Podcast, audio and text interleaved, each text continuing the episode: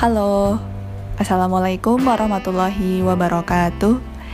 Kembali lagi di Ima Talk, kali ini bersama saya Nahla Kutsi El Ahmadi uh, Kesempatan kali ini Aku ingin sharing terlebih dahulu. Kalau dulu aku pernah ngerasa yang namanya Takut banget sama gagal. Merasa kalau gagal itu hal yang negatif, hal yang tabu dan merupakan suatu aib. Kayak gitu. Hingga pada akhirnya jadi kayak ada perubahan pemikiran gitu kalau gagal itu jadi suatu wadah untuk mengetahui diri sendiri satu. Kemudian mengetahui apa yang perlu dikembangkan serta apa yang perlu diperbaiki apa yang perlu dipertahankan dan apa yang perlu ditinggalkan. Jadi pada akhirnya kayak mewajarkan arti kegagalan dalam hidup ini sih. Seperti itu. Jadi buat yang lagi pada gagal mungkin jangan cukup berhenti sampai di sini aja. Karena perjalanan kita masih panjang. Perjalanan kita hidup di dunia ini tuh perjuangan. Karena ya Allah sendiri telah menciptakan kehidupan di muka bumi ini diisi oleh manusia itu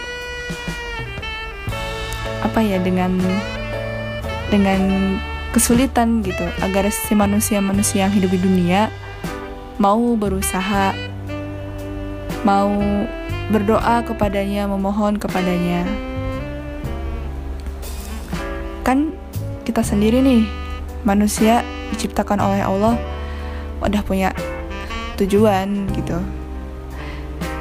Tapi memang kita tujuannya sama perannya yang berbeda-beda. Nah, dan makanya juga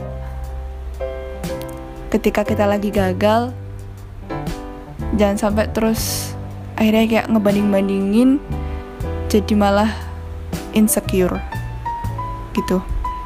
Soalnya ya itu tadi balik kalau manusia itu diciptakan udah ada tujuan tapi ya memiliki perannya masing-masing. Jadi punya versi suksesnya beda-beda, versi gagalnya juga beda-beda gitu. Jadi ketika gagal jangan cukup berhenti sampai di sini aja.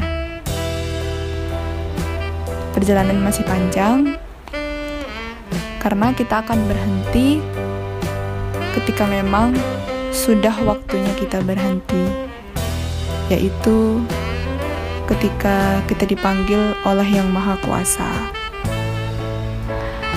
Gak usah takut gagal. Gagal bukan suatu aib.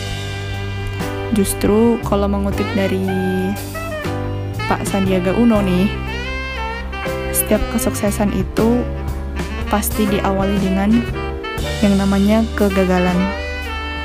Dan kegagalan itu adalah anak tangga mencapai kesuksesan. Jadi, jangan takut gagal ya. Nikmatin aja gagal. Yang penting jangan sampai berhenti di sini aja. Karena kita hidup menjadi mentari untuk bersinar, tapi jangan lupa untuk menyinari sesama. Sekian dari aku. Jika ada baiknya itu dari Allah Subhanahu wa taala.